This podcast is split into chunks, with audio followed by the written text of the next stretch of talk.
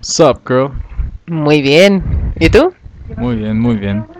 Idag är det den 6 maj 2020 och vi är i Santiago, Chile.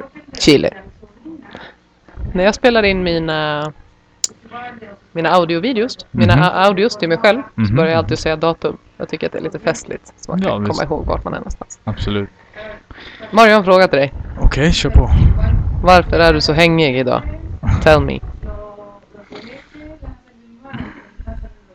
Okej. Börja med det mest generella. Coronatider. Alla instängda. Vårt liv förändrats. Vi är alla instängda och måste möta bemöta oss själva. Livet förändras, världen förändras. Och det har sina negativa och positiva aspekter tycker jag. Men idag, det negativa hänger över.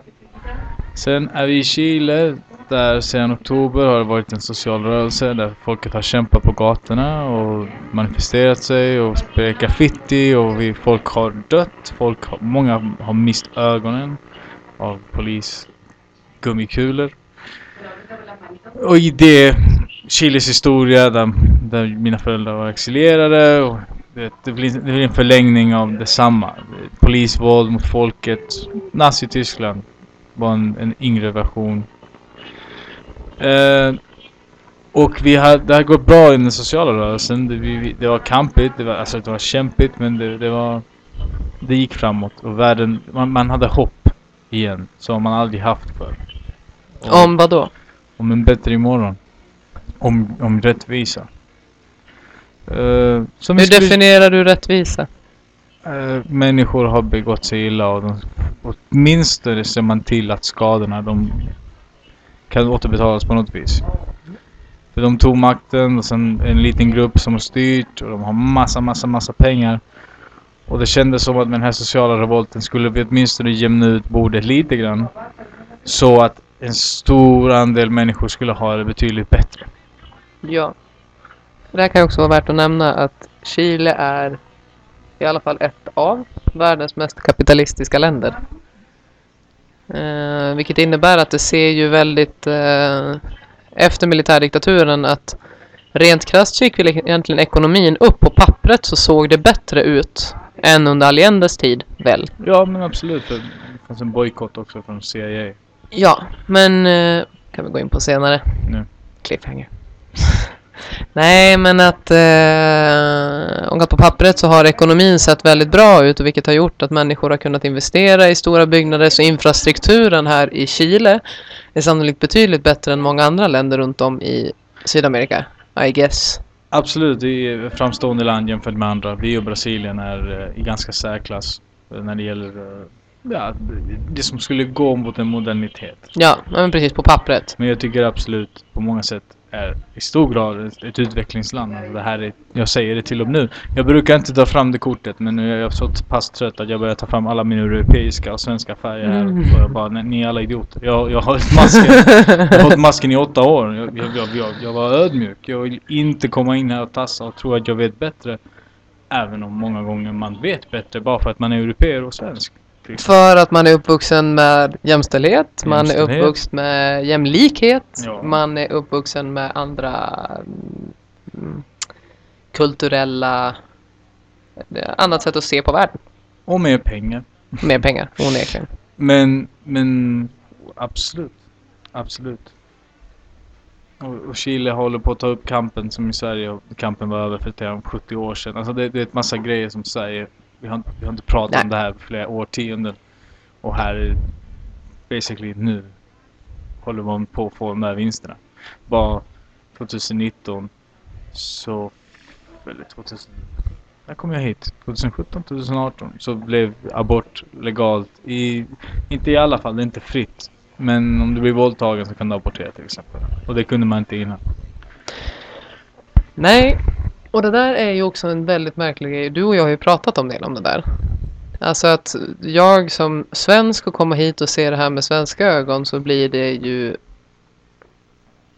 Det blir väldigt speciellt att man i Sverige, det är klart att det finns en rädsla för att som kvinna bli gravid. Ehm, men på något sätt så finns också säkerheten i att ja, men i värsta, värsta fall så går det att göra abort. Yes. Men den möjligheten finns inte här. Nej, nej man, inte på samma sätt. Man behövde kämpa med, med, med det, tänder och klor. Och folk hade, äh, du vet, clandestino. Aborto clandestino heter det, som heter clandestine. Alltså inomhus, hemligt. Ah, ja. Med någon kväkare Ja, eller, just det. eller en gynekolog som var villig att, att, att riskera. Men många gjorde det under bordet. Ja, ja. Det gick rykten. Och gör antagligen fortfarande.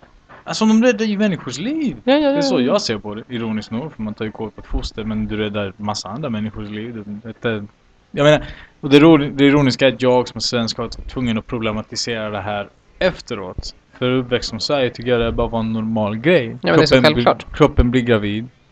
Och vi har medel, vi har kunskapen, vi har teknologin för att hantera med det där. Alltså så att Mm. man kan anpassa människan. För, ja. Och varför jag är arg? Back to Jo, det var det jag tänkte. That's- eller arg, är dyster idag. Jag är nästan lite ledsen men ilskan jämnar ut det. Ehm, vi gick och handlade på marknaden idag. Centrala marknaden i Santiago som heter La Vega. Och det är karantän på nytt. De har byggt upp karantänen ännu mer. Och nu var det, de testar, checkar din temperatur när du kommer in tror jag. Och du ska ha en eh, tillåtelse online av polis så att du ska kunna gå ut under ett visst antal timmar. Vilket vi inte ens visste. Vi var tvungna att söka på plats via nätet. Tur det, Ja. annars vi inte kunde komma in. Nej. Vi var tvungna att dra hem.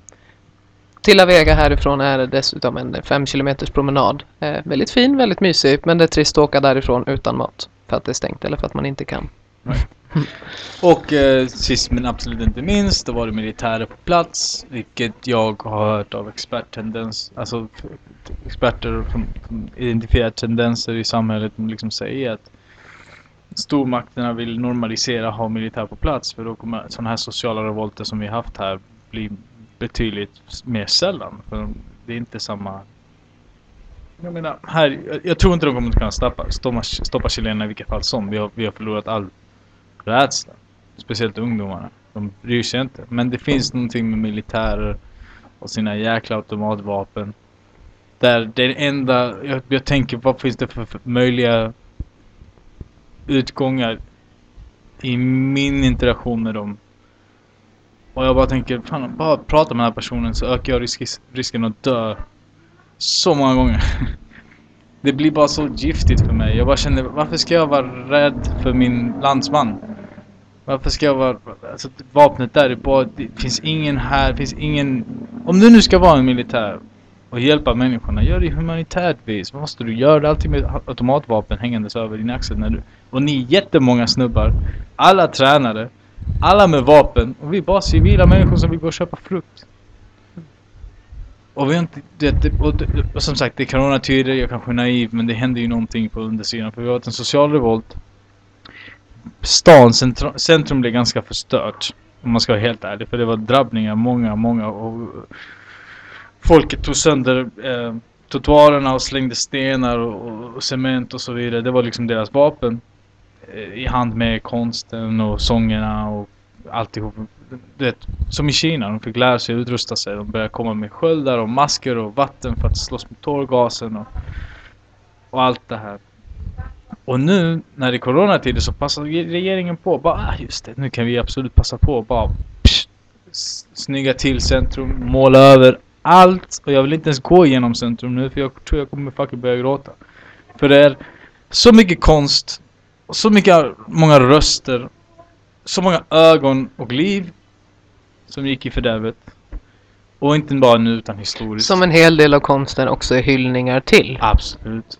Och det varje- målar man också och, över. det var, och de bränner upp det och allt och det var nytt nästan varje vecka. Liksom varannan vecka ville man gå förbi stan för det var bara, bara, bara översvämning och konst. Ja, Jag hoppas det kommer tillbaks men vad jag menar är just nu håller militären på att måla upp allting och gömma alla möjliga bevis på att sociala revolter ens ägde rum. För att folk går in i maskineriet och tänker inte två gånger utan man bara gör sitt. Och bara sköter sitt och bara hoppar på sitt. Och Ja, då går det några veckor och sen blir det bokstavligt talat vilken social revolt. Jag vet inte vad du snackar om. Jag, jag är täppt med räkningar, jag har inte pengar, jag är frustrerad, jag är ledsen, jag är rädd för min svåger. Jag är rädd för... Alltså det finns så många grejer i livet som bara distraherar dig. Som gör att det här maskineriet kan fortsätta gå igång. Och jag blir ledsen för jag tror att människan förtjänar så mycket mer. Alltså, eh, stopp. Time out. Vi måste... eh, Kör du. You go, du frågar. You ask me. nej, nej, nej, nej, nej. Jag är inne på samma spår innan du snubblar vidare. Eh, det som kan vara värt att betona här också är det man inte förstår som svensk är vad det innebär att ha militärer på gatorna och polis på gatorna. För att i Sverige så står polisen för, åtminstone för majoriteten av befolkningen i Sverige så står polisen för trygghet. Och står för säkerhet.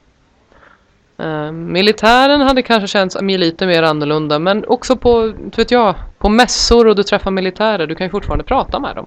Du går fram till dem och frågar vart har du gjort lumpen någonstans, det är inget konstigt.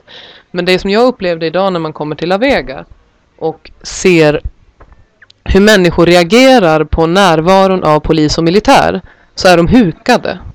Det var den enda känslan som jag kunde få, att jag kunde känna att de, oh, de, de liksom sjönk ihop av en rädsla.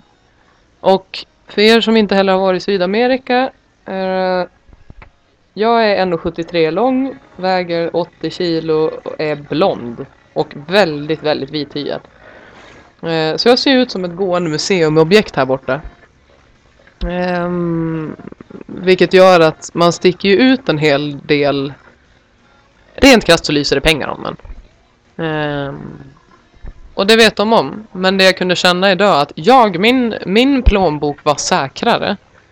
Men jag tar hellre osäkerheten av min plånbok än att känna den känslan som jag fick idag.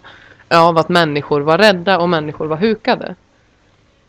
Och det är också så här, enda gången jag har varit riktigt, riktigt eh, rädd här i Chile.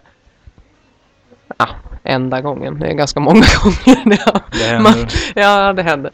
Eh, men det har alltid varit polisen som har varit orsak till rädsla. Och jag har dragit det här exemplet till dig, men liksom på vägen från krogen i Sverige. Det står ett gäng med fem stycken killar i tonårsåldern i 17 till 20 år. Jag kommer att välja en annan väg. Med risk för att råka illa ut. Men ser jag däremot poliser i Sverige i närheten så kommer jag känna mig trygg och jag kommer kunna gå förbi det här gänget utan något större problem. Komiken i här i Chile är att det är precis tvärtom. Att ser jag en grupp med poliser så kommer jag att vända mig om. Jag kommer gå någon annan väg. Ser jag däremot ett gäng med unga killar i 17 till 20 års åldern så kommer jag hellre gå förbi dem för jag känner mig säkrare med dem än jag känner mig med polisen. Och ett system som fungerar sådär är väldigt farligt. För att det finns, det är klart som här i Chile som i andra länder, det är klart det finns galningar. Det är klart det finns kriminella. Det är klart det finns människor som behöver sitta bakom lås och bom som behöver bli arresterade av polis. Men ingen litar på polisen längre. Vilket gör att om de är på väg mot ett brott till exempel. Det är en kvinna som har blivit mördad. Och de behöver åka genom stan. Det är inte säkert att de kommer komma fram till det här mordoffret. Eh, för att människor hatar polisen så mycket att de kommer bli, typ, åka på stryk innan de är framme. Och det är ett väldigt farligt system och jag säger inte liksom i det här. Det är lätt återigen att som svensk att tänka ehm, Ja men det är så sjukt att man slår polisen, att man gör illa polisen. I know, jag tänkte likadant innan. Men sen när jag kommit hit och ser vad polisen gör och har gjort. Eh, man får utan att jag har något biologiskt band till Chile, jag har ingenting rent liksom uppväxtmässigt med kulturen att göra. Men jag får en instinktiv ilska när jag ser dem.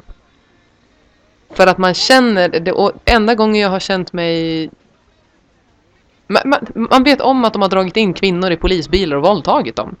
Man vet att de har snortat kokain och gått in och skjutit människor. Man vet att de har bränt upp saker. Det finns videos på när de kastar bomber på hus och skyller det på eh, terroristerna inom citationstecken. Men det är poliserna som gör allt. Och återigen, som svensk är det här så märkligt. Jag trodde att det bara var konspirationsteorier från dig från början. Um,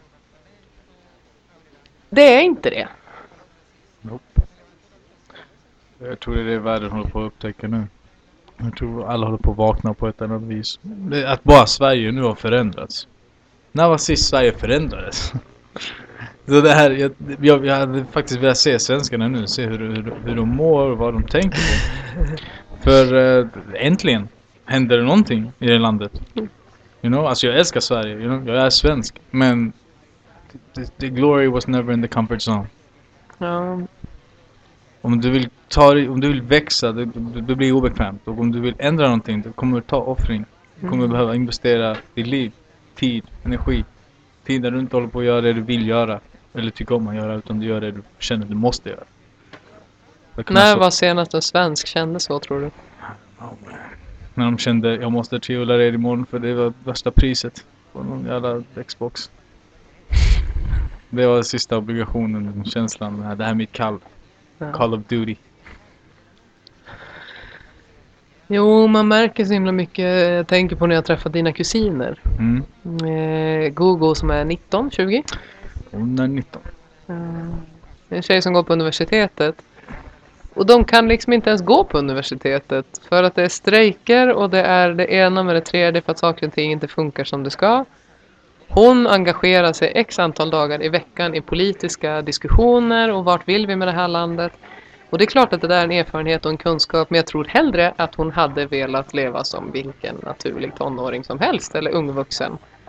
Ehm, som kan fatta liksom beslut utifrån ett högre trappsteg av Maslows behovstrappa. Liksom, man är högre upp. Men det är ju inte det. Hon behöver kämpa för de här sakerna. Man behöver kämpa för aborträtt. Man behöver kämpa för kvinnans liksom... Alltså man vänder, på, om man vänder på det. När jag pratade med min vän Patricia precis här, en chilenare. Och jag sa till honom, alltså det, nu får räcka. Det här är ett jäkla u-land. Ni, ni, ni, och det, det, jag, som sagt jag brukar inte prata så här till. Nej. Jag är själv chilenare. Men nu börjar fan räcka. Jag, börjar, måste ta till hårdare, hårdare språk. Tänk dig en värld där du är i säkerhet. Tänk dig att om du vill ha thrill och, och, och, och danger så måste du leta efter. Så vill inte man är en social outcast, Ja, det ja, finns ja. droger och kriminalitet och våld runt omkring dig. Det där demokratiserar allting. Våld, the great equalizer, finns överallt. Men i Sverige, om du vill kan du typ leva under kristna värderingar. Och bara vara en god hjärtad person. Lugn och fin. Och dina dagar handlar om att gå till parken och, och ge bröd till ankorna. Kolla på Bingolotto på lördag. Du gör inte en fluga för när. Och du bara lever. La, la, la, la, fantastiskt. Och jag, jättefint. Men här, så jag säger till chilenare. Ni, ni, inte, ni har sån grov, grov Stockholmssyndrom i massiv skala. Mm. Ni vet inte hur pass trampare ni är. Och de som inte vet vad Stockholmssyndrom innebär. Han är psykolog så han vet. Nej men de som inte... Jaha, ah, förlåt. Uh, yeah, fan, Stockholmssyndrom, god damn it Swedes. Pick up a book. Men jag menar, eh, så- Stockholmssyndrom är när man blir förälskad i sin tillfångatagare. Ja. Du, du, Förövare. Förövare. Och alltså, grejen är att de blev, de tog makten med vapen. Med, och våld.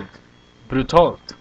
Enda gången Chile har använt sitt flygvapen är mot sitt eget, regeringshus. What a brilliant country. Enda gången! Det är så jävla sjukt. Ja, och, sen, förlåt. och sen är det militär kultur. Du vet, efter att vara militärdiktatur så länge. Polisen blev också väldigt militär. Det var ju första jag frågade när jag kom hit. Är det militärer på gatorna? Nej, det är Det poliser. är poliser, de armerar, alltså de har beväpnade tänderna och sen har de så har en, en, ett sätt att föra sig som inte alls är trevligt. De är liksom, alla tror de är Judge Dredd. Har du sett den? Nej. Sylvester Stallone. De har, de stora briller, de kan, de kan skita tull- Alltså de har, och de har ett sätt att prata, ett sätt att föra sig som bara en stor jäkla vägg. Och deras kultur inne i st- institutionen är lika så. En jäkla stor pyramid och alla liksom bara Kiss ass, yes sir, no sir. Du säger aldrig ifrån för du åker illa ut. Du måste se ut på ett visst sätt. Du kan ta långt hår. Du måste komma proper. Annars får du inte jobbet. Och du kommer inte in i deras klubb. Men sen är det också, jag pratade med din mamma som är psykolog. Yes. Och hon berättade, det här är för övrigt en nice side story om din mamma. Jag tror att jag berättade den till dig. Mm. Ja, för Claudia är också svensk i den bemärkelsen. Ja, visst. Hon, hon, hon kom iväg från Chile när det var som värst. Man märker skillnad på din mamma och pappa där. Förlåt om de lyssnar på det här. Skitsamma. Skitsamma. Alltså det finns inget filter längre. Det finns inte tid. Det Jag finns barn som märker- dör av svält i Afrika. Jag märker att det är skillnad på din mamma och pappa i hur de förhåller sig till det som händer. För Claudia växte inte upp här under diktaturen. De flydde 73. Oh, ja, de flyttade... Ja. Jo, men just det här att man märker att det finns en eld, det finns ett glöd, det finns en ilska Mm. mot, från din mammas håll. Mm, mm, mm. Och det finns mer en rädsla från din pappas håll, upplever jag. För att han bodde här under diktaturen, som du säger, Stockholmssyndromet, man blir kär i sin förövare. Och jag tycker att man känner skillnaden på de två i det. Jo, sen det går lite på en personlighet. Jo. Fast, Självklart. Alltså, min morfar var en känd, eller är fortfarande I guess, men han var väldigt känd då, en, en känd folksångare och han jobbade sen under Allende som en sorts kulturminister. Så det är inte liksom vem som helst och de ville ta åt, alltså folk letade upp honom på, på hans kontor för att ta honom och Jo, men tillfångata honom. Eh, Han, han, Vilket innebär mörda honom. ja, antagligen, ja. Alltså Mm. Viktor Jara dog på det viset. Hans vänner blev nedslagna och dog på sjukhuset med jävla respirator. Du vet där. Hemska saker. Och så, och farsan han blev tillfångatagen men sen åkte han iväg i exil. Han, han är en gedigen politisk Flykting. Absolut. Han var, du vet. Och han det- kom Det var många chilenare som bara stack. Jag menar, det var ju en- det 83 var ju en- till Sverige va? Ja, något sånt. Ja. 83. Men det var ju liksom en uh, free pass till, till ett bättre liv. Och du vet, och det här är en synd. Men det, alltså, hur ska man säga det här? Jag har bott i Chile och Sverige i många år. Jag har hoppat från land till land. Och, och jag lär mig hela tiden nya grejer genom att du vet, kontrasten. Och um, du vet när jag insåg att en ung chilenare kan liksom plugga på dagen, jobba på natten, plugga, ha barn. Alltså man vet inte riktigt när de sover. Och jobba för typ 4 000, 5 000 kronor i månaden. Ja, man, alltså, vi jobbar på ett diskotek då med de här. De jobbar, alltså, vi jobbar hela natten. Vi fick kanske 200 spänn. Du vet, man var där från uh, 9-10 till 6 på morgonen. Och man du vet alla möjliga risker. Sla, slagsmål. Allt det där. Och, du vet, jobb, studerar, jobbar, har barn. Och tjänar 200 om natten. Också bara helger. Bara helger, men jag menar det är inte billigt i Chile heller. Nej, nej, men alltså det jag menar får de här är- människorna till det? Och det, det finns en massa De har inte ens arbetstid nog som räcker till att du får en heltid. Mm. Utan 200 i timmen är nog, eller så här, 200 för en kväll är nog ganska bra, tror jag. Alltså, för att leva ett liv Nej, nej, nej men det jag menar är att i ett chilenskt mått så tror jag att det är ganska bra. Ja, helt okej. Ja, men det jag Men- menar är att det är så sjukt. För att maten här kostar typ hälften. Nej. Men resten av kostnaderna är typ som svenskar. Ja, men, Alltså det är inte billigare att köpa kläder här. men grejen, det finns massa proster som man inte kan riktigt inse om man är svensk och bott i Sverige. För jag menar, här, du måste, du måste typ bo med dina föräldrar tills du är 30. Mm. Innan du ens kan tänka börja ditt liv och bara liksom tvätta dina egna kläder. Hantera dina räkningar, du vet allt de här grejerna som ändå är en kunskap som man lär sig. I Sverige, vi går igenom det på hemkunskapen i åttan. Här måste du vänta tills du är 30 för att börja bli en vuxen person. Ja. Och sen är det springa till att du får en familj och stadga dig och du vet så här. Annars, det finns inget liv. Du får, de, de, de snackar precis här om att de har jobbat ett år, ett och ett halvt år utan semester. De kan inte. Det Nej, finns nej, nej. för mycket jobb och du kan inte be om dina... Och nu är det coronatider också. Fucked up. Det lönas. Alltså om du tar ledigt så är det typ bara för att ligga ner och återhämta dig. Ja, och det är det här man märker. Du och jag har ju pratat om det här också med det måste löna sig att arbeta. Du är så less på den här liknelsen nu, men eh, i Sverige har jag nog varit ganska ifrågasättande mot bidragssystemet som vi har. Mm. Och där jag hela tiden sagt att det måste löna att arbeta sig. Alltså, eller det måste, löna, det måste löna sig att arbeta. Att du kan inte ha ett bidrag som är så pass högt och så pass tillgängligt. Nu kommer jag säkert få massa skit av det här om någon som lyssnar. Ni får rätta mig om jag har fel. Men det är så det har känts i Sverige. Där har min kritik legat. Um, men när det kommer hit så det måste löna sig att arbeta. Det gör inte det här. För det är så fruktansvärt låga löner och jag förstår varför kriminaliteten är så oändligt hög här. För att varför ska du jobba för 2-3 tusen kronor i månaden, bli skuldsatt livet ut? Mm. den, den chilenska staten mer eller mindre äger dig. Eller de chilenska bankerna också, vilket typ indirekt Företagen, innebär. det är Ja. Transnationella företag. Jo men de äger dig. För att du hela tiden betalar eh, sin quotas, no, Mm. con. Mm. Det vill säga du betalar på räkning typ. Mm. Eh, och det här är en ganska intressant grej som jag har underhållit mig med inne på mataffärerna. När jag står bakom dem. Och du vet de köper för kanske 2 20 000 vilket motsvarar typ 200 kronor svenska, 240 sånt kronor svenska. Eh, nej men tres quotas. Det är tre stycken räkningar så de måste dela upp ett belopp på 240 kronor på tre räkningar. För att det finns inte tillräckligt med pengar. Mm. Vilket gör att, och här, så här betalas ju allt. Kläder, Mm. mat, eh, saker. Så man blir skuldsatt typ livet ut i Chile genom att bara existera här. Så du kan ju heller aldrig komma ifrån fattigdomen. Du Nej. kan aldrig komma ifrån Du Chile. fängslad. Ja. Och det systemet är så sjukt farligt. Kapitalismen baby. Nej, men och det jag menar också liksom i, i Sverige måste jag också bara förtydliga det där. Att ehm, det, när jag pratade med Gabi, en av Mm. tjejerna jag bor med. Eh, så skulle jag Gabi förklara- här! Gabi what's up? Hey man! Hola! Så Gabi. Gabi? Bam, bada, bam. Eh, nej, men när jag, pratade med, eh, när jag pratade med henne och försökte förklara det här bidragssystemet i Sverige. Mm. Att jag inte tycker att bidragen ska vara så höga. Mm. Jag förklarade för henne att i Sverige så kan du få bidrag. Och hon bara, men vad får, vad får staten ut av det? Och jag sa, nej men ingenting, det är bidrag. Ja men vadå, de måste ju få igen pengarna på något sätt. Nej, det är ett bidrag. Och hon, det, liksom, det gick inte fram till henne. Din det, förövare är inte Nej. en snällare förövare. Nej men dels det, men sen också att det är så osannolikt att man ska hjälpa fattiga människor Mm. på den nivån. Mm. Att man måste ju få någonting för det. Ja. Att det är så inbitet i Mm. den här kulturen. Så det slutar ju med att jag bara vände på fast Nej, det kanske inte är så bra att det är så himla höga bidrag fast det är fan bättre än det här. Thank you! ja. ja. On, on that note, ja. kan du förklara lite kort hur med ditt svenska, sve- svenskaste, svenskaste tänk, det svenskaste språket, ja. svenskaste politiken och med allt vad du vet. För du, du är en väldigt nyanserad svensk. Eh, Så Okej. du är en väldigt vis svensk som kan röra sig i alla vatten inom Sverige och det där är ganska ovanligt. Och när jag menar alla vatten så menar jag alla vatten. she, she, she, she's street smart, this one. så kan du förklara hur ditt perspektiv har förändrats? Om du skulle förklara för en svensk din process. Oj, wow. Jag tänker på när vi träffade upp ehm, de här två stockholmarna.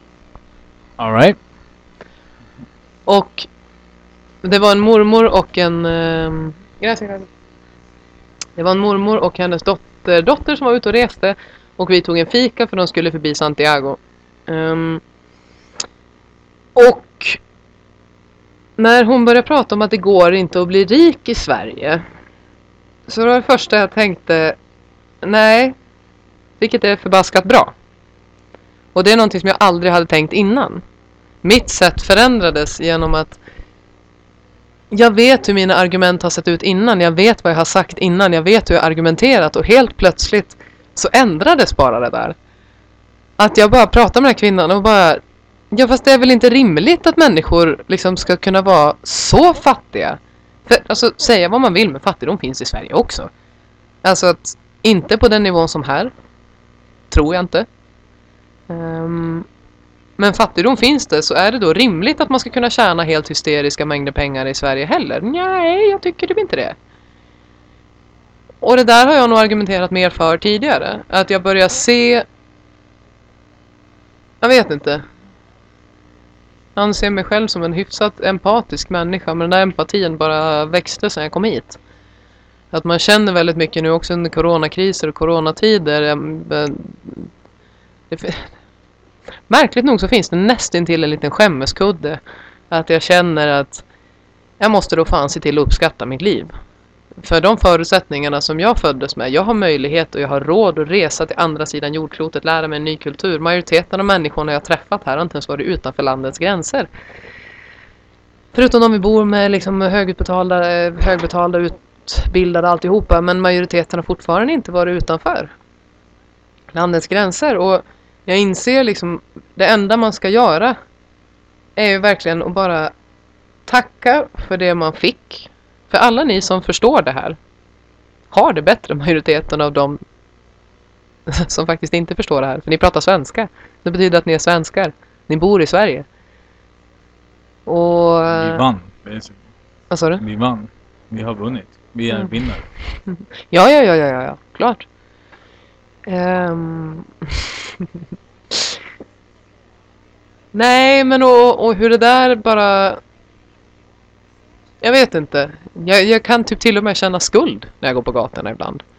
Att man bara vill eh, ge bort så mycket pengar. För det finns så förbaskat mycket fattigdom och jag begriper också att det inte är vägen att gå. Men jag vet inte. Empatin ökade sen jag kom hit. Varför inte det är vägen att gå? Varför kan inte världen bara stanna upp? Nej, men jag menar att jag, jag, tror, jag tror inte på Jag tror inte på individuella lösningar. Jag tror inte på eh, för, Ska man nu gå Globalt, in, nej, men ska man gå globalt in nu samarbete. Jo, jo Men på individuell nivå Mm. Det jag menar är, jag tror inte på att skänka pengar på individnivå Visst Nej. en slant här och där men det löser inte problemet Nej, De kommer med. fortsätta Det vill spela ingen roll Desto mer gatubarnen kommer tjäna Desto snudd på sämre är det För då ökar möjligheten att de tas ur skolan Alltså allt det här så att jag tror inte på donationer på individnivå Jag tror på donationer i större nivåer I organisationsnivå och allt sånt här Men eh, det börjar krypa in på skinnet här när man kommer till Avega, när jag ser alla de här militärerna, jag ser polisen, jag ser de underkuvade människorna, man vet att de är fattiga, de som jobbar där. Det är slitigt. Förra gången vi var där så kommer en kille och bär fan en halv oxe över ryggen. Liten gubbe var det också. Alltså det är så hårt arbete. Att... Men och det är ett måste. Ehm, och jag, jag vet inte hur mycket, hur klart det här är. Jag måste nog definiera det här tydligare för mig själv. För jag, hur man förändras, jag märker det ofta i samtalen. Jag märker hur jag argumenterade innan, hur jag märker att det där inte längre är mina ord. Kan du ge ett exempel? Ja, men det där Stockholmsexemplet är ett. Att jag hade nog också argumenterat tidigare för att nej men svenskar, det är väldigt hög skatt i Sverige. Nu tycker jag fortfarande att mycket skattepengar går åt skit. Men det ska vara hög skatt. Det, det, det, liksom, man, man, människor föds inte med samma förutsättningar. Uh, och föds man... Oh. Nu kom det faktiskt exakt en sån där gång när det faktiskt ändrats. När jag inser att föds man med förutsättningar så finns det då är ansvaret större. Mm. Och med det sagt så man, man, man, man kan inte tycka att man ska ha allt. Man kan inte tro att man ska förtjäna allt. Liksom föds man med bra förutsättningar, ja, dela med dig. Hjälp någon upp. Yes. Alltså det är nog snarare det att jag har nog tidigare i en argumentation tidigare har jag kunnat tänka mer mer, inte fullt ut, men jag har tänkt mer att nej, men man måste råda, rö, alltså, mm, råda över sig själv. Man pluggar, man jobbar, man, jag förstår också med förutsättningar för alla investeringar och sånt där i men organisationer, HV, HVB-hem, jag är för liksom organisationer som hjälper människor upp. Men jag har fortfarande tänkt lite, du är din egen lyckas med. Mm. Ehm, och den har nog mer ändrats nu. Att ja, du är din egen lyckas med, men du föds också in i ett sammanhang. Ehm, I Sverige är det ett bra system för det gör att du faktiskt kan komma upp dig. Även om du har väldigt dåliga förutsättningar så har du åtminstone laglig rätt att komma ur det. Sen är det inte lätt ändå. Men Nej, det finns folk som föds in i söndriga hem, söndriga föräldrar och de är, brukar vara ganska fucked. Börjar söndra inombords. Och sen kommer du in i samhället som det vore en, som det vore jättelätt. Mm. Nej, men det är bara... Man, man, måste, man måste dela med sig. Man, man måste... Det, det funkar inte att människor på jordklotet sitter med liksom, åtta bilar och lägenheter runt om i hela världen. Samtidigt som far, små farbröder i åttaårsåldern behöver släpa på 200 kilo på ryggen. Liksom, det, det är orimligt. Ja, visst. Alltså, man, jag tror förändringen kommer ske med sådana här medel, men också samtal sinsemellan. Om man kan bara prata med sina egna så har man gjort ganska mycket. Styr över din your tribe, din stam. Och se till att alla har åtminstone en förståelse över vad som är viktigt i framtiden. Nu med corona, liksom att ta hand om varandra lite mer. Tala till varandra lite mer, se varandra i ögonen lite mer. Och sen värna om planeten. Så vad gör vi med vårt skräp? Hur får vi vår energi? Du vet, att det här, det här, vi borde inte prata om något annat. Och, och det som är så fint att det verkligen, det blir nästan av sig självt att, att, att, att bagateller som vad du ska köpa dig nya skor eller alltså det, det finns inte plats för det. I alla fall inte här nere i Chile när, när, när kampen är så in your face. Men det var ju faktiskt någonting som också slog mig när jag kom hit. Att eh, ni som lyssnar på det här och känner mig, ni vet också hur mycket jag tränar. Och hur mycket jag har varit inne liksom i någon nej men, fitnessvärlden. Eller hur man nu ska uttrycka det. Absolut, absolut. Ja men En mycket... kultur och kunskap. Ja, men mycket allt sånt där. Men det jag insåg när jag kom hit, från att ha följt väldigt mycket fitnesskonton, hur futtigt det blev. Och jag kunde verkligen känna, det var svårt för mig att gå in på Instagram efter andra dagen här i manifestationerna. Det var svårt för mig att gå in på Instagram i Sverige och se personer som Åh wow, tappat fyra kilo, åh deffat formen. Eh, och jag är jätteglad för er skull. Jag ska ta det inte ifrån er. Jag älskar att ni är tacksamma. Jag älskar att ni lägger upp det här för att i Sverige har vi inte de här problemen. Men det jag menar är att det är en sån lyx att överhuvudtaget få lägga upp en bild som handlar om ens kropp. Det är en lyx. För jag tror väldigt få chilenare unnar sig den lyxen. Där lägger de istället upp en bild på när gatorna brinner och de kastar en sten i polisen för att han precis har misshandlat din vän. For no reason. Det måste man lägga upp på Instagram. Man kan inte unna sig någonting annat. Eh, Och jag tyckte det var svårt när jag kom hit. Jag, jag känner fortfarande att det gnager lite i mig. Du och jag tränar som illbattingar, vi tar massa bilder, vi tar videos. Vi, vi är också privilegierade. Vi har också råd att lägga upp lite vad vi vill. För att vi kommer från Sverige. Och för att... Nej men allt det här. Det som är så vackert är att man får alltid lära sig. Ju mer tid du kommer vara här, desto mer kommer du bara inse saker och ting. Jag lär mig Mm. fortfarande. Det är som jag sa, jag och Emma, vi, vi tränar ju mycket och vi går på gatan och vi, vi ser lite imponerande ut. Vi är liksom två ganska vältränade, eller väldigt vältränade människor. I chilenska mått mätt. Ja, speciellt, vi, vi står ju ut. Så du vet, min polare sa liksom så, alltså det syns ju på er att ni har haft en annan föda. Kolla era ben, kolla era muskler. Ni ser, ni, ni ser ut som superhjältar liksom. Jag bara tittar på Ebba som ser ut som en superhjältinna och bara Yeah, he's got a point. Och jag fick sån flashback till varenda gång man åt nyponsoppa och drack mjölk som var färsk eller mycket bröd, skinka, leverpastej, risgrynsgröt, havregrynsgröt. Alltså allt den här maten man fick och skolmaten. Snacka om, jag, Skolmaten. tackar skolmaten idag. Alltså, snacka om att vi borde vara tacksamma att äta, äta fisk två gånger i veckan. Ja. You kidding me? Det är, det är nog det bästa med skolan. Man ska vara helt ärlig. Du får en bra föda. Ja, Plugga kan du inte göra sen, men vad din kropp behöver när den växer. Ja. Du får bara en chans. Och, Claro. och skolan, svenska skolan så till det. Så bara en sån sak. Omöjligt. I allt, alltså, du tänker ju inte på det. Det är ju inom dig själv. Du, du måste liksom hänvisa till dina ben. Nu jag har bättre ben än det här folket. ja, ja, ja, klart. Än hela folket. Det är så här.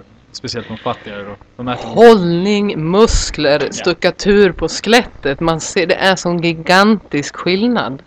Alltså det är... Ja men det blir ju lustigt när vi är på ett ställe som typ La Vega, för där är det mycket människor. Chilenarna är inte väldigt långa.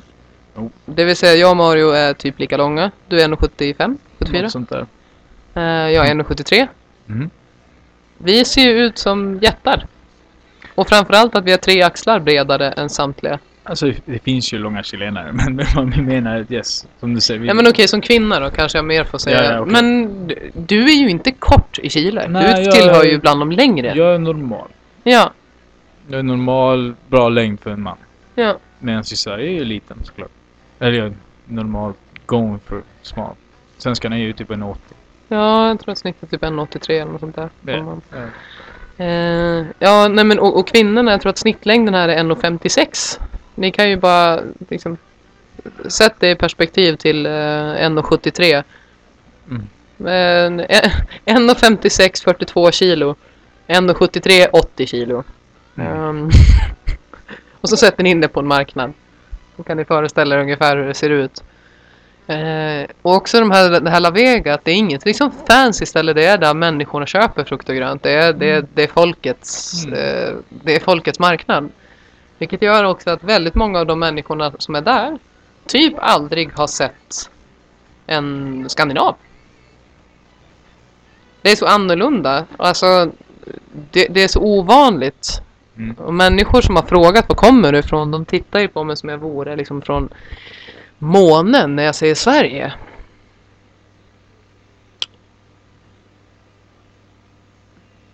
Och det... Om att de tittar på dig som ett ufo hela vägen. Och att du är en benstomme och du har ätit bra. Och de har en helt fucked up hållning. De ser ut som gargoyles. Nej, men just det här att, eh, ja, men som Alejandro sa där, att man ser att ni har ätit andra saker i ert liv. Man, man, man ser att ni har haft andra förutsättningar och så är det verkligen. Barnen här, berätta skolmaten. Alltså det är bara snacks. Och, och sovepias som är liksom friterad deg som man äter med ketchup och senap. Eh, eller chips. Små påsar chips. Det var liksom det alla gick runt och snackade på. Varenda Men det, när, när hade ni lunchrast? Ett till tre. Och De flesta går hem och äter då. Men det fanns vissa som bor lite långt bort från skolan som fick någon sorts eh, lunch där som de betalar. Men Ja. de flesta, liksom 95% gick hem och åt. Men är föräldrarna hemma då också? Eh, inte, alltså jag ska vara helt ärlig, Xi'an, jag bodde i ändå ett bra område. Det var en bra Ja. skola. Det var inte public. Man betalade för den skolan. Ja, För det finns två typer. Du har public school som är ing, du kommer ingen vart. nej. Eller du betalar så får du i alla fall en chans till en bra utbildning. Sen om du får jobb. Det finns absolut ingen garanti. nej. För det är marknaden som styr det och I don't know. Det, det, det, många, många, vad händer ofta? Att de pluggar på universitet, privat universitet och sen hjälpte det ingenting. Det var bara de där stor. Till exempel när jag kom hit, jag har ju pluggat kriminologi. När jag kom hit, och alla bara Åh, kriminologi! Åh, det, vi hade det ju uppe i norr och massa ungdomar skrev in sig och började plugga och sen ställdes det in. För det fanns ingen... Nej, det är klart. Det fin- nej. För- Fan vad sjukt. De, de, lät, de lät inte kriminologin ens försöka i det här landet. För, för det är bara polis och de som har hand om det där. Oh wow. Så du kommer aldrig ha experter som säger ifrån det På en sociologisk väg, nej. Man kanske borde åka till Sverige, utrusta sig med en doktorand och komma tillbaka och växa upp då. Du vet vad jag tycker. Nej, Vi får se, vi får se. Nej, men det man känner lite grann här, det som också... Ja, men nu promenaden in till La Vega och gå förbi Plaza Dignidad som är det här samlingspunkten. Det här är ju någonting som jag, jag promenerade själv häromdagen. Um, och gick förbi där och se hur de bara försöker, som du säger, måla över allting som har hänt. Och den där jävla statyn. Alltså jag skojar inte om jag säger att det var 20 poliser som vaktar den där statyn. Och efter hela La Moneda som är vägen som ligger Det går en stor väg genom Santiago. Det är den som heter La Moneda va? La, la Alameda. La Alameda. La Moneda är La Moneda är regeringshuset. regeringshuset. Yes. Yes. La Alameda. La, la, la, ma, la. Alameda. La Alameda. Eh, Stökigt med spanska och svenska här. Efter den där vägen som leder då genom hela stan och ner mot eh, La Moneda som är regeringshuset. Mm. Det var så mycket poliser. Det var så mycket... det- Wanakon stod där, vattenkanonsbilen. Det var stora piketbussar. Det var så mycket poliser, det var så mycket militärer för att skydda en staty. För det är symboliskt. För det är symboliskt. Mm. Alltså fatta när coronan öppnar upp igen om de gör det. Alltså det kommer smälla ännu hårdare tror jag. Alltså jag pratade precis med Patricio och han bara säger det här kommer bara bli fulare. Vi, kommer, vi går tillbaks till det gamla Chile. Han sa precis, han jobbar för Investigations. Ja. Och han, och han hörde en kollega säga till en annan öv, övre äldre snubbe. Han sa någonting och så sa han tack kamrat. Som egentligen betyder jobbkollega också. Ja, com comrado eller vad Eh, det? co- compañero. Compañero. Ja. Så tack compañero. Det är kamrater i kommunisterna. Så snubben hade bara vad fan, vad fan sa du? För, vad sa du? Kamrat? Kommunist! Och bara skrek ut det sådär. Skämtar du? Nej. Han är kring. Och det är en väldigt trist och väldigt... Alltså det är bara att gå tillbaka i tiden för det. Nu kommer alla fram. De går tillbaka till det de känner till. Det är ju samma gamla som står i styrelsen sedan de tog makten.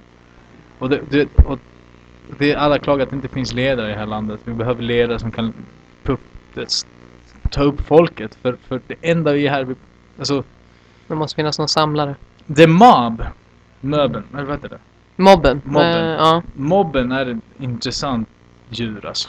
Eh, Det var ganska intressant att se hur stora massor människor som kämpar tillsammans för rättvisa. Hur det manifesteras. För det, det är som en bakterie. Vi alla blir som en enda bakterie som manifesterar sig. Bara Ja, hela sluter tiden. runt hela... Ah, Anpassa shit. sig, anpassa sig, få fram nya idéer, konst. Men så Mm. finns den här smällen. För du står och slåss mot systemet. Som en stor jäkla vägg och den ger sig inte lätt. Och man blir trött. Jag känner idag, därför jag blev så trött idag. För jag bara Ja. känner, jag har hållit på sedan oktober. Och ni, ni målar för som om ingenting hade hänt. Och nu finns det militär på gatorna, på gatorna. Förvisso det är coronatider och de försöker hjälpa till med det. Men jag ser militärer med vapen, det är vad jag ser. Där, I det här landet, när just samma militärer, inte de just då, men institutionen, systematiskt mördar och torturerar, torterar människor. Chile ju, det är som Uganda eller vilket land som, när man tänker Chile, Pinochet, Uganda, Idi Amin. Uh, du vet, man, man har en sån referens. I Chile händer det fucked up stuff. Ja. Och jag vill inte se det där, jag vill inte se en gnutt av det där än. Jag, är en produkt av det. Jag hade inte varit svensk om jag inte varit för det här. Nej. Jag blev ärvt den här historien. De här skräckhistorierna. Okej, vad kan man göra? Gå vidare. Lämna det bakom en. Men då vill jag inte höra liksom glåpord om kommunist. Nej. Jag vill inte se militärer på gatan för det enda jag tänker på, ah, kör vi de spelen? För sist vi körde det här så mördade du min mamma typ. Ja, ja, visst. Det är så här. Ett fint, fint exempel. Jag såg i Sverige, jag växte upp i Olofström, eller Blekinge några år. Jag hade två goda vänner som var äldre än mig, men de var från forna Jugoslavien. En bosnier och en serb. Uh, Alia och Drazen. Och när de växte upp, deras föräldrar och deras kringhöriga så, Mm, eh, ja, anhöriga. anhöriga, ja. Eh, de ville inte... De tyckte inte om deras vänskap. Oj! Nej, Nej, men det är klart. Han är serb och han är bosnier. Han Bosniens familj led en massa, hade en massa skräckhistorier. Väldigt likt som min mors Ja. skräckhistorier. När han berättar hur de eh, hade barrikerat Sarajevo, man hörde helikopterna, hur de hade delat maten med varandra. Och Alia där i källaren med fem år, han minns allt det här. Oh, shit. Och Drazen som kom från andra sidan. Men de växte upp i Olofström. där, där det handlar om att träna kickboxning, jujitsu, hockey, snusa, I don't know. Och hitta på lite hyss. Men oskyldigt för de var liksom, vi, vi ville inte gå in i det där. De hörde klagomål, kritik och de bara, "Nej, men vi, vi, vi, vi, det här är framtiden. Vi ska inte ärva det här agget. Nej. Tro mig, jag får mycket lust att ärva agget. För det enda jag har runt omkring mig är folk som snackar om rättvisa och som blev krossade på grund av det. Mm. Men om vi ska gå framåt, det är det jag hoppas. Jag vill att Chile ska gå framåt. Jag vill inte att man ska tänka på ett u-land där borta. Nej. En kontinent, Afrika där borta, där mis mis misären är normal. Och man ska aldrig förvänta sig något annat för Afrika. Afrika ska alltid typ vara fattigt och eländigt. Mm. Eh, varför snackar man inte om att låt oss lyfta Afrika som vår, det är vår ståndpunkt som misären. Låt oss lyfta den för då är antagligen resten av världen mycket bättre. Jo, det händer ju nu. Alltså, Speciellt på ett humanitärt plan. man håller ju på mycket. Ja. Alltså, det, Jo, det jo, gör ja, ja, det går framåt. Det går, Jo. det går snabbare än någonsin. Men bara nu, nyligen, så, alltså ett, ett fantastiskt tecken och det är därför man måste främja vinsterna också, är i Sudan de, de Ja, förbjöd könsstympningen. har blivit förbjudet. Och det var en sån där grej, likaså som abort i Chile som jag bara tyckte, hur fan kan vi fortfarande gå runt om det här? Ja. Hur ska 90% av en befolkningskvinnor ha könsstympning? Mot deras vilja. Med rak blad. När de håller fast dem och Ja. skriker. Ja, Förstår du vad jag menar? Absolut. Väldigt grafiskt. Vad, vad är din Dubai-resa nu? Vad är din Ferrari? Det här händer. Nej, nej men... Och likaså i Chile.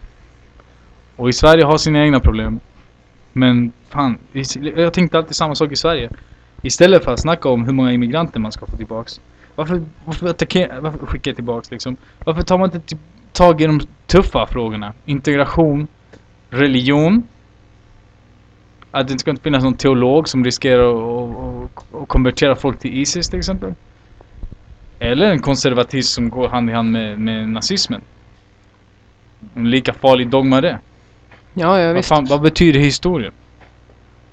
Ska vi, ska vi gå begå samma misstag under hundratals år? Hålla på med någon sorts vattenlöst korskrig. Jag bryr mig inte om den här skiten. Kan vi inte bara ta hand om varandra som människor? Och sen ta hand om planeten? Vi satt igår och kollade på en dokumentär om djur. Ja! It was amazing. ja. Det var så otroligt. Och jag bara tänkte, kan inte människan bara ta hand om det här? Och så kan vi bara stirra och titta på naturen? Ja, jag hör dig. Jag tror vi hade varit väldigt lyckliga. Det var helt crazy. Det var en jävla orangutang som ser ut som en gud som hängde. eller en puma eller vad det var, en jaguar som jagade en fågel mitt i natten. Alltså det finns inget mer fascinerande. Du ser Gud eller skaparen eller whenever, universum, bara spela gitarrsolo. Det var amazing. Otroligt. Insekterna, ah, forget about it. It's just crazy. Crazy good. Kontrasten till det, misär, människor som ha mer. Men jag tror också att det, är så himla, det som jag tycker är intressant här, det man måste komma ihåg, är också det är så lätt att tänka att ja, men det här är historia. Vi pratade om det tidigare idag.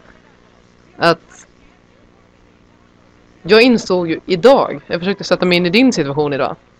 Eh, vad det här betyder för dig. Och det försöker sätta mig in i situationen av att min mamma skulle ha flytt från Sverige eller ja.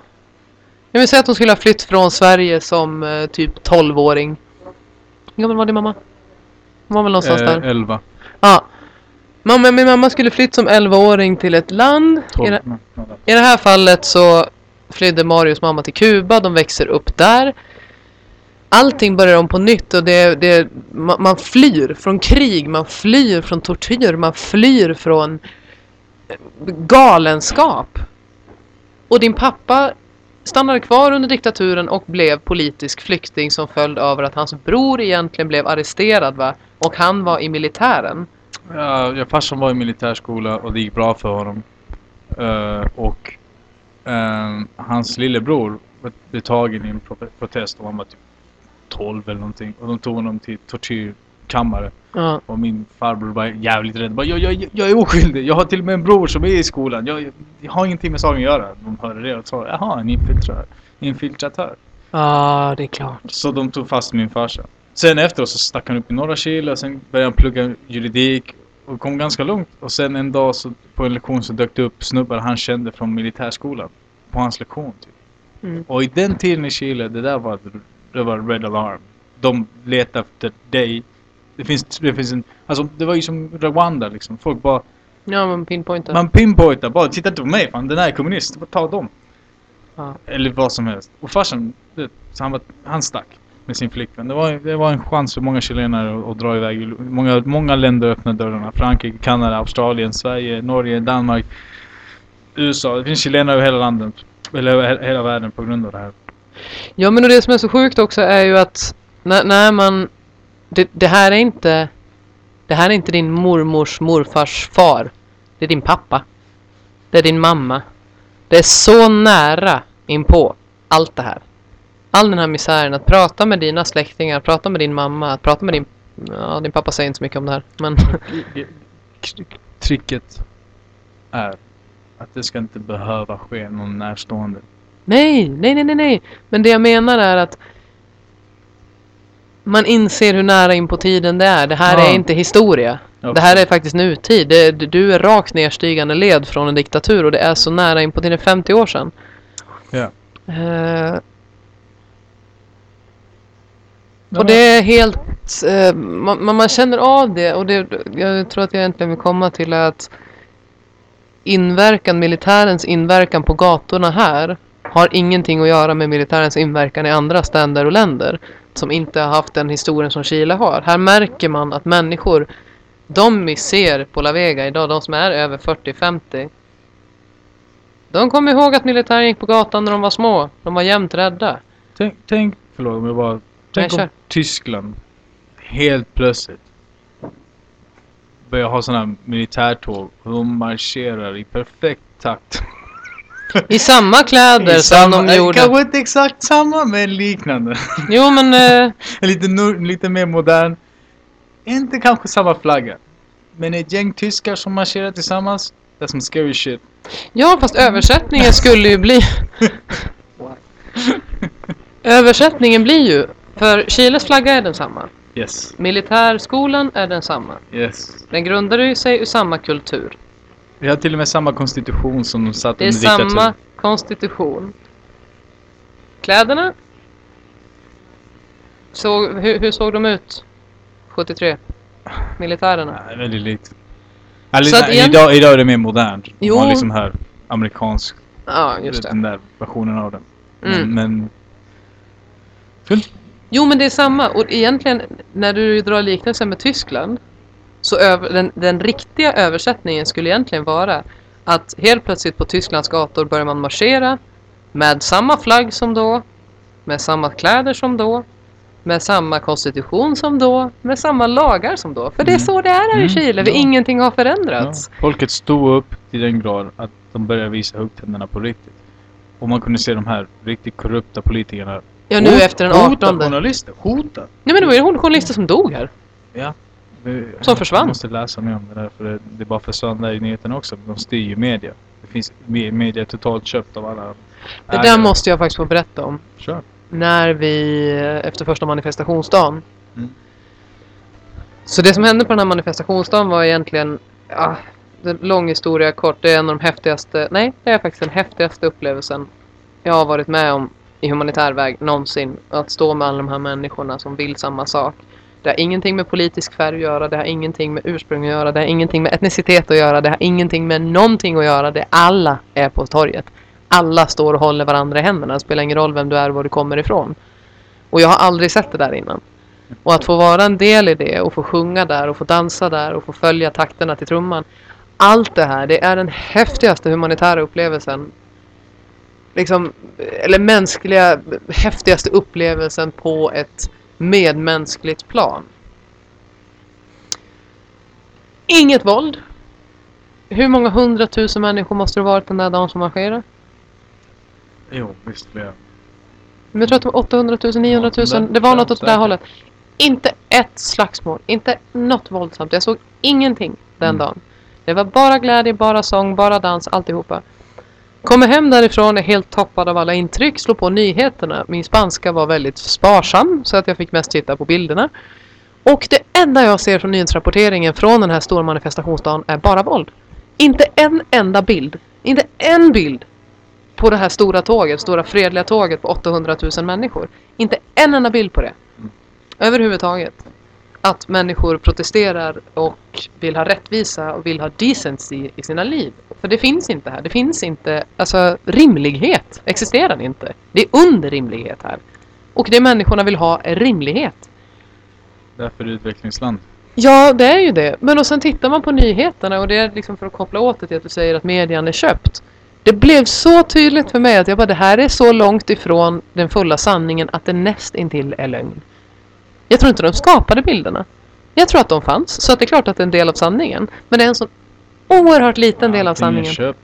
De intervjuade mig på gatan, de ändrade mitt namn och klippte ihop det jag sa till whatever de ville få mig framstå. Jag, jag var jättepositiv gentemot allt som hänt. Mm. Och de målade ut som att jag höll på att klaga. Ja, att du tyckte och att det var jobbigt var med... jättedåligt gjort för jag tänkte på det där. Jag försökte vara så positiv och genomskinlig som möjligt. Ja, ni ska intervjua mig. Viva la revolution! Nej, de klippte och jag bara ser ut som att jag är förvirrad och tycker inte alls om vad som händer. Jag bara, vad fan? Nej, vet, jag kommer ihåg, du var ju helt positiv till det. På varenda skala funkar det så här. Det är där man inser att man, är fram, man går emot en fiende. Den vill dig inte väl. De vill dig inte väl. De vill åt sina pengar. Gå in i ledet och vara tyst. Och bli sjuk och köp våra mediciner, pharma, big pharma. det, samma sak hela världen. You know? Jag börjar bli trött på det här. Jag börjar bli trött på att se det och inte säga någonting. Nej, jag hör dig. Och Sverige är ett praktexempel redan nu. Det, det är det som är så fint att allting bara jämnar ut sig. För Sverige... Alla svenskar som klagar på Sverige och tycker det ena och det andra om whatever. Ni fattar inte vilka, vilka, vilka... Sverige är inte oskyldigt heller. Vi säljer vapen till massa inbördeskrig och om vi så fort vi säger nej till imperiet så imperiet bara slår oss på handen och vi bara backar tillbaks. Men vi är ändå one of the good guys. Mm. Och att vi inte följer coronariktlinjerna till punkt och pricka. Vi är rebeller. Vare sig svenskarna vill det eller ej. Det svenskarna gör, Ja. tydligen som är skillnaden, är ju att regeringen har ju... Vi kommer få så mycket skit för det här. Men så jag har förstått det och så mycket jag har hört. Är att regeringen har ju bara lagt sig plats. Experterna får tala. Ja. Vi ska, Ja. vi ska inte ha med det här att göra. ja, ingen populism, ingenting. Nej, utan de bara så här, okej, vi har experter här, ni Ja. får lösa det, vi lyssnar på er, vi följer era råd. Sverige, jag vet att det finns jättemycket kritik gentemot coronan där. Men rekommendation är att gå in och lyssna på Arash Sanari tror jag, boken Sverigevänner och även lyssna på Navid Modiri, Hur kan vi? med ehm, åh, jag ska ta reda på vad han heter, men jag tror att han heter Arash Sanari. Eller något sånt. Oh. Jag Eh. gillar att du som svensk skulle rabbla upp en massa persiska. Jag bara, this is awesome. Landet håller på att förändras. Nej, men gå in och lyssna på den podcasten för han är läkare och han förklarar hur Sverige hanterade coronakrisen och varför de gjorde som de gjorde.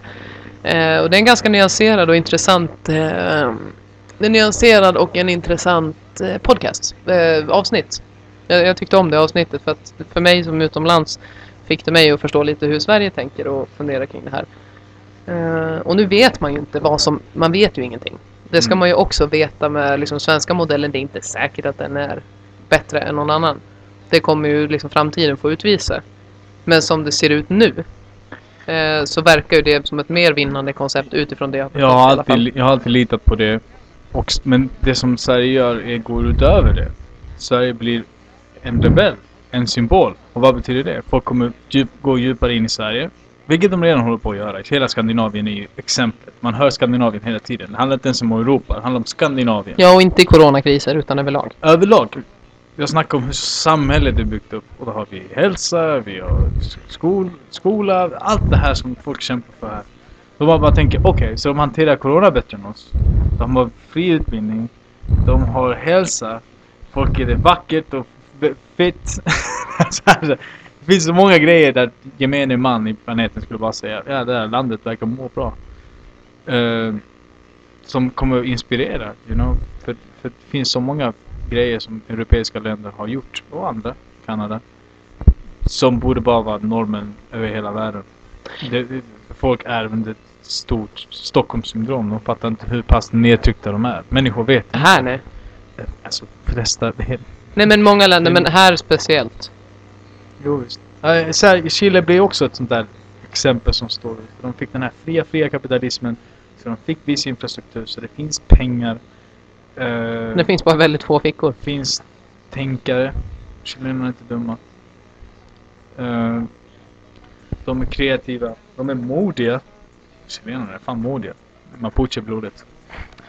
Uh, Mapuche ursprungsbefolkningen under indianslag i södra Chile som slogs mot spanjorerna i typ över 300 år. Eh, jag tänker att Chile är den perfekta kandidaten för att kunna göra någonting som aldrig gjorts förr. För kollar man rent krasst, för det här diskuterade du och jag också. Mm. När du sa men varför kan inte Chile bli som Sverige? Ja. Och jag, sannolikt lätt naiv, hinner tänka, ja men nu ska man väl inte tänka för högt, liksom att det är olika förutsättningar, det är olika folk. Men så det slog nu, men jag började tänka på, men vad är liksom, vad är bland Chiles största näring? Ja det är gruvindustrin, ja men det är ju samma som i Sverige. Och sen så finns det väldigt mycket vattenkraftverk här nere, Mhm. vet inte? Alltså vi har, vi har världens torraste öken. En stor öken. Och sp- spansk, spanska ingenjörer har kommit hit och bara sagt vad fan håller ni på med? Ni skulle kunna ha solpaneler och ge elektricitet till flera länder. Ja, nej men... Eh, wow.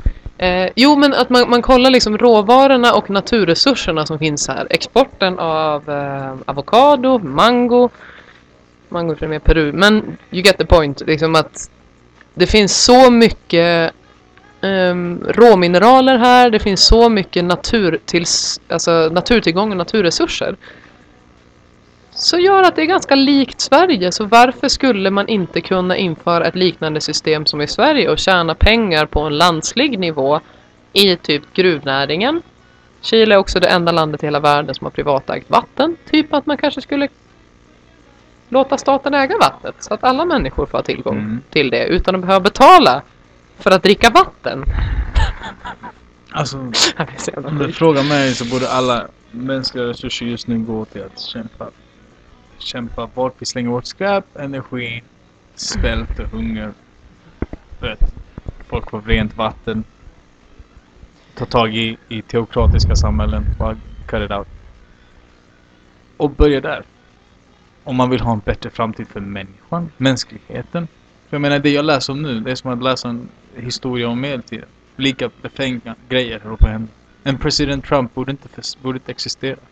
Det, det är ett absurt koncept. Han- I, I Back to the Future 2, Mm. Biff. De inspirerades av Trump att göra hans personlighet, eller hans person som den, det magnaten i den dystopiska framtiden på 80-talet. Det är Trump! Och nu är han president. Så USAs president är the bad guy från 80-tals komedi-actionrulle. Ja. Och du kallar det ett land. Du kallar det seriöst. Du kallar det att människan gör det bästa den kan för att pusha samhället vidare framåt. Sen har vi såna här rebeller som Elon Musk som bara fuck det så jag gör min egen grej. Jag tror vi behöver mer Jag tror, att man ska vara, jag tror att man ska vara lite försiktig med att för mycket rädda världen-teorier. Varför då? För jag tror att man behöver ha mål och delmål.